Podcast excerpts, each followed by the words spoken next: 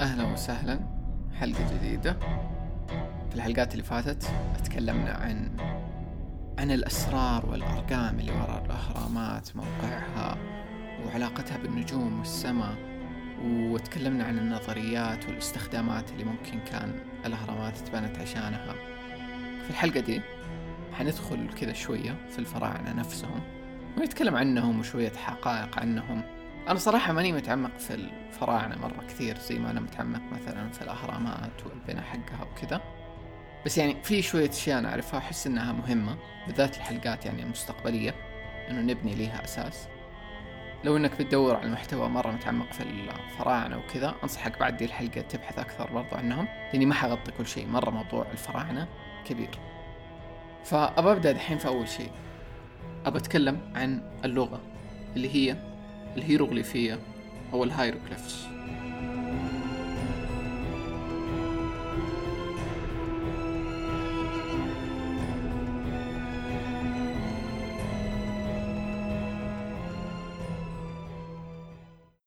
موضوع لغة الفراعنة مرة مهم لأنه إحنا كل شيء قاعدين إنه بنتعلموا عنهم وبنحاول نفهموا عنهم. جاي من طريقة كيف إحنا بنترجم اللغة حقتهم اللي هم سابوا لنا هي. طيب أكثر شيء بقراه إنه أكبر مشكلة في اللي إحنا بنسويه بنعاملها إنه هي زي لغتنا. فاللي يعرف لغة المصريين اللي هي تكون رموز اللي مثلا رمز طائر رمز آه، بومة رمز عقرب كذا لغة رموز. فإيش نسوي إحنا؟ نعاملها بالضبط كأنها لغتنا ناخذ الرموز نترجمها حرف حرف. فأو مثلا البومة حرف الميم المدري إيش حرف التاء كذا ونقعد نترجم بهذه الطريقة. بينما الناس اللي بيدرسوها وبيتعمقوا فيها أكثر بيقولوا إنه هي لغة رموز لغة صورية فمو مفروض نعاملها زي ما إحنا بنعامل لغتنا ونترجمها حرفيا حرف بحرف. فإيش اللي بيقولوه؟ بيقولوا إنه هي في الأساس كل رمز كلمة أوكي؟ فمو حرف كل رمز كلمة يعني شيء. زائد إنه الرمز هذا يعني إيش أقول لك؟ لو إنه في رمز علامة دائرة وجوتها نقطة وقلنا هذا معناه الشمس حلو؟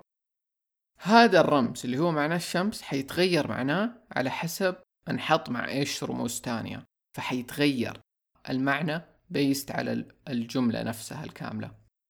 زائد إنه يقول لك إنه هي لغة مجازية يعني زي لو إنه في الإنجليزي لما نقول اي إنه for your information نختصر مرة تختصر كثير اللغة. وتلاقي إنه هم سووها بدي الطريقة عشان يخفوا معاني كثير فيها. يعني هذه النية منها في الأساس.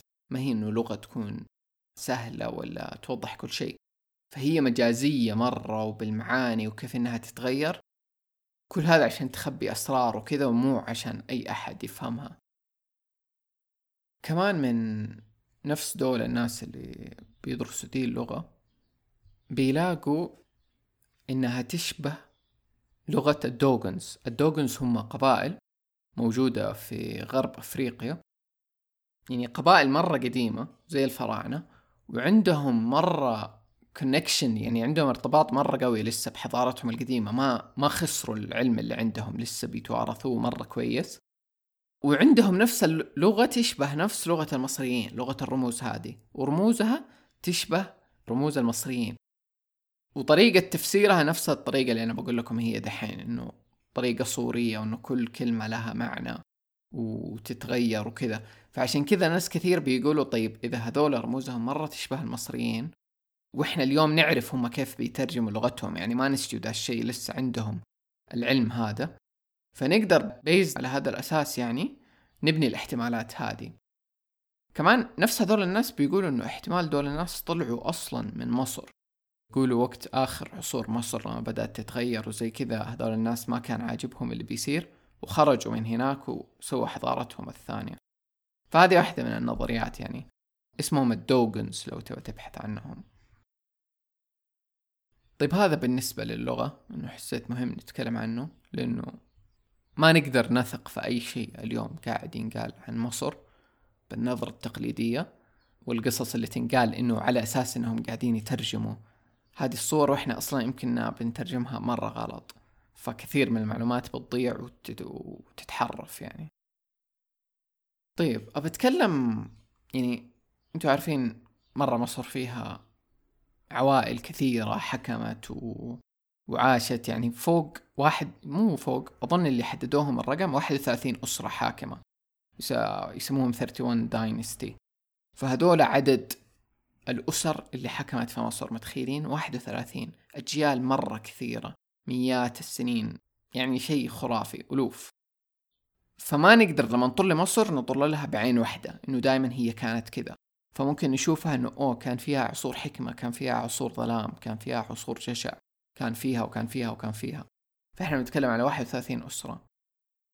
فأنا ما حتكلم على الفراعنة مين يعني واحد واحد ولا مين هم ولا كذا. أنا بس بمر على highlights على ناس أنا أشوفهم مظلومين ما حد يتكلم عنهم كثير ما نعرف عنهم ويستاهلوا إنه ينذكروا. فواحد منهم اسمه أخناتون okay؟ أنا أشوفه مرة interesting ومثير للاهتمام. أخناتون على وقته يعني وقت ما جاء إنه حكم مصر زي ما بينوصف الكلام بيقول إنه مصر كانت حايسة في مليون كذا رب تعبده. فالشعب في هذاك الوقت كان يعبد هذا الآلهة وذاك الآلهة ومدري إيش. زائد الكهنة البريستس في مصر كانوا يتحكموا في مصر ويستعبدوا الناس ومدري إيش. فيقولوا إنه في الوقت اللي جاء فيه اخناتون كانت الدنيا حايسة. وهو مرة ما كان عاجبه ده الشيء وكان يبي يغير. فهو من الناس اللي جو بالتوحيد في في مصر. وإنه قال لهم إنه ليش أنتم بتعبدوا كل هذول الآلهة؟ وليش بتخلوا ال priest دول يتحكموا فيكم؟ ما في إلا آلهة واحدة وكذا ورب واحد تعبدوه ودي الأمور. مرة interesting أنا ما كنت أدري إنه في شيء زي كذا في وقت مصر يعني عجبني الآدمي مرة لما سمعت عنه. والكهنة في هذاك الوقت كانوا ضده طبعا لأنه هو جاب يخرب عليهم كل اللي بيسووه. والناس كمان ما حبوه لأنه الناس كان عندهم دياناتهم وال... والآلهة حقونه حقونهم اللي بيعبدوهم وكذا. فتخيل يجيك واحد ويقول لك بطل تعبد دول الناس ومدري إيه وترى غلط وكذا. فالناس ما حبوه في هذاك الوقت. كثير كانوا ضده وكذا. ومات. موتته يعني من القصص اللي بقراها بيقولوا إنه تسمم. ومن بعدها طمسوه يعني في التاريخ مصر حتى وما ما سابوا له إنه إنه شيء من الأشياء اللي هو سواها وكذا. فما تلاقي كثير عنه. زوجته مين؟ زوجته ممكن كثير سمعتوا عنها اسمها نفرتيتي. فنفرتيتي كانت معاه في نفس ذا الجو. مؤخرا اللي فهمته إنه يعني زي إنه في التسعينات أو شيء لقيوا مقبرة وكان فيها أشياء مرة كثير لنفرتيتي وليلو هو فبدأت تطلع له أشياء كانت يعني مستخبية. طيب الشخص الثاني اللي أبى أتكلم عنه اسمه ثوث okay؟ ثوث يمكن شوية مشهور شوية مو مشهور برضو ماني ماني شايف ناس كثير بيعرفوا عنه بس شكله أتوقع لو إنك حتشوفه تروح تدور عليه. حتعرف شكله على طول. هو شكله على طائر اسمه ibis أو أبو منجل. أنا صراحة أبو منجل أول مرة أسمع ذا الاسم حتى الاسم الإنجليزي أول مرة بس يعني عرفته. هو دائما يكون طائر كذا شكله pink زهري وليله منقار مرة طويل. فهو ثوث دائما لما يترسم في مصر يترسم بهذا الشكل ويكون معاه قلم دائما يكتب. فهم يسموه آلهة الكتابة أو المعلم. أو الشخص اللي علمهم الكتابة والقراءة والعلوم فهو تلاقيه دائما المعلم أو التيتشر في مصر ومكانته مرة كبيرة. بقرأ زيادة عنه وفي كتاب اسمه The Emerald Emerald Tablets of Thoth ألواح زمرد لثوث هذه ثوث كتبها وموجودة دحين تقدر تقراها. بصراحة مرة interesting ومرة deep وفيها أسرار مرة كثيرة وأشياء يعني مو سهل حتى تنفهم ويبغى لها دراسة. بس من اللي بسمعه كثير برضو عن ثوث إنه بيقولوا هو اللي بنى أهرامات الجيزة. هو كان من مهامه إنه يرفع الوعي عند البشر ويعلمهم ويرجعهم لفين مفروض إنه يرجعوا. حنجي لده بعد شوية. بس إنه كنت أبغاك تعرف عن ثوث حاليا لإنه مستقبلا ممكن نتكلم عنه أكثر وهو من الأشخاص المهمين. دحين بدخل في شوية حقائق عن الفراعنة أوكي؟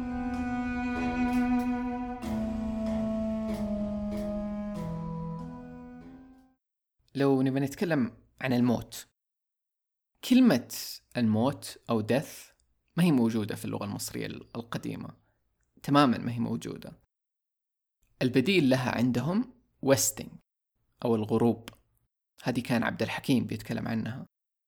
فما في كلمة موت في كلمة ويستنج الغروب إيش معناه؟ معناته إنه زي الشمس لما تغرب آخر اليوم حتشرق تاني اليوم اللي بعده. فهم كانوا يؤمنوا بال afterlife أو ما بعد الحياة أو حتى نظرية تناسخ الأرواح إنه الروح لو خلصت من هذا الجسم تروح لجسم ثاني بعده في حياة ثانية. بس الشيء الناقص إنه هم يعني هم في ال core belief حقهم أوكي يؤمنوا بتناسخ الأرواح وإنه يعيشوا أكثر من حياة وكذا. بس هم اللي كانوا يحاولوا يوصلوا له كانوا بيحاولوا يوصلوا للخلود كأنه. فإيش الفكرة؟ إنه دحين هم يؤمنوا إنه أوه إحنا بنموت بنرجع تاني ونموت ونرجع تاني نموت ونرجع تاني. بس هم كأنهم يبغوا يتخطوا دي المرحلة. يبغوا مرحلة الخلود.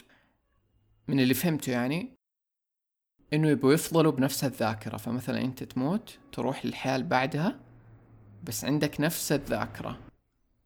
وعيهم بعد الموت يفضل زي ما هو ويستمروا هكذا إلى الأبد. فعندهم نفس العلم اللي أخذوه من قبل يكملوا لما بعد هذا وكأنهم بيتكلموا على أبعاد ثانية غير هذا البعد. فهم كأنهم بيخرج من هذا البعد ويرتقوا لبعد أعلى.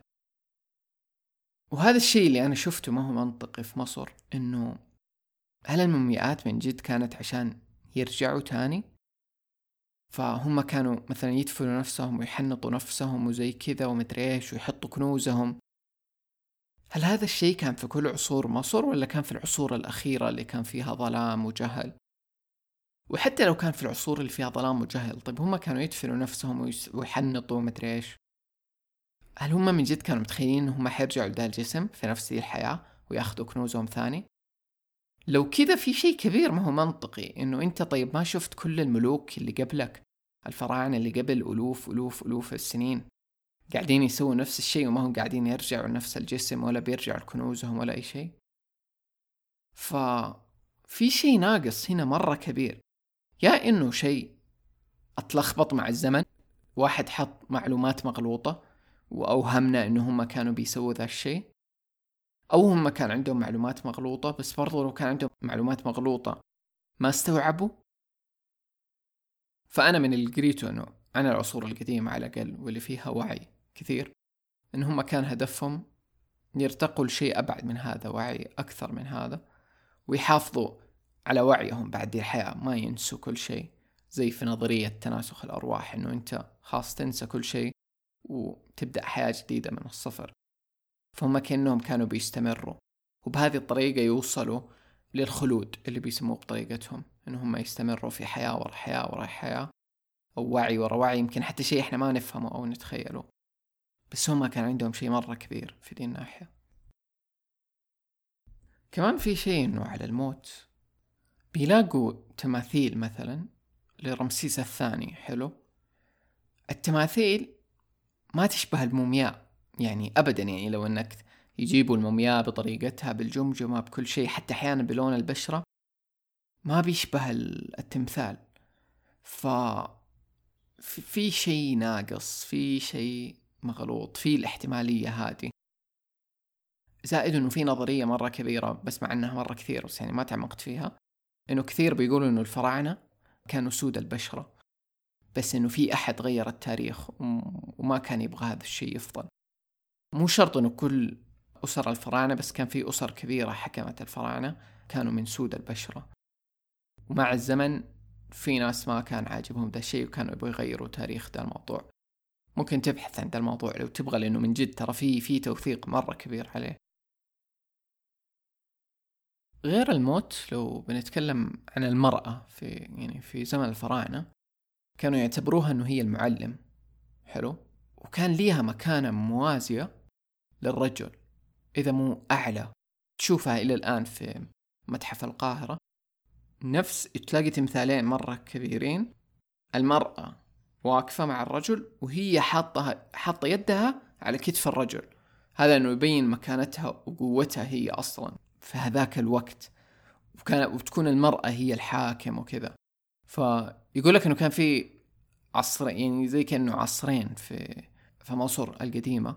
كان في عصر وقت طويل المرأة كانت هي المعلم وهي الحاكم وليها مكانة مرة كبيرة وفترة كان الرجل هو المتسيد يعني. أحس لازم نيجي على دي النقطة وهي نقطة أنا ما أدري إيش أسميه بس بالإنجليزي هو اسمه Precession of the Equinox أو شيء زي إنه الدورة الشمسية وكيف محور الأرض كل ستة وعشرين ألف سنة يتغير يكمل دورة كاملة. ويبدأ يطل لمجموعة جديدة في السماء. وهذا الشيء يمكن إحنا دحين نعرفه بعصر الدلو أو Age of Aquarius. فالمصريين كانوا يؤمنوا بدا الشيء. وفي هذيك الفترة كان في النظام الأمومي واللي هو المرأة تكون هي ال... يعني زي ما نقول الحاكمة فيه واللي تقود الأمور. وفي النظام الأبوي وقت ما الرجل يجي ويسيطر على ال... على كل شيء. طبعا لما نشوفه بدي النظرة مو شرط إنه إحنا نشوفه أو مرأة أو رجل يعني ممكن نشوفه إنه ين ويانك طاقة ذكورية وطاقة أنثوية مسكلن وفيمنن ففترة طويلة مصر كانت تحكم بهذا النظام اللي هو النظام الفيمنن أو الأنثوي. وهذا النظام هو اللي يكون وقته فيه له الحكمة وال... والعلم والنولج النظام الأبوي يكون أكثر زمن حروب أسرار جهل. أشياء زي كذا يعني. هو ده الشيء في علماء كثير بيتكلموا عنه إنه كيف كل الناس مطنشينه ما حد بيديله اهتمام هو شيء علمي. هو محور الأرض آه، كيف قاعد يتغير في دورة مدتها 26 ألف سنة.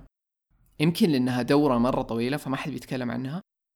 بس الشيء ال interesting إنه أو المثير للاهتمام إنه إحنا دحين في الفترة الحالية قاعدين واصلين لنهاية هذه الدورة. وهذا اللي كان ال Mayan calendar بيتكلم عنها و2012 وكذا. فمرة متحمس أتكلم عن ده في يوم بس يعني دحين حنمر عليه بالسريع.